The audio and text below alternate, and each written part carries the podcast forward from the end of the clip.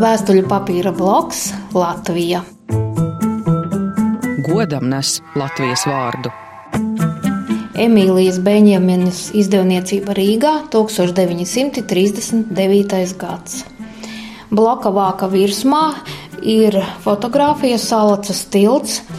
Citās lapās ir Latvijas dabas ainavas un Rīgas arhitektūras pieminekļi. Tātad katrā vēstuļu bloka lapā ir atšķirīgs uzņēmums, ir Rīgas arhitektūras pieminekļi, piemēram, Rīgas tiesu pils, Rīgas operas nams, Jēlgavas viestura piemiņas pils, ir piemēram kokneses pilsdrupas, siena talka, piemēram. Paraksti pie attēliem ir latviešu un franču valodā. Tas liecina, ka iespējams, ka tā bija eksporta prece un tika piedāvāta arī turistiem iegādāties kā suvenīru no Latvijas. Mēs jau visi rakstījām vēstules. Jā.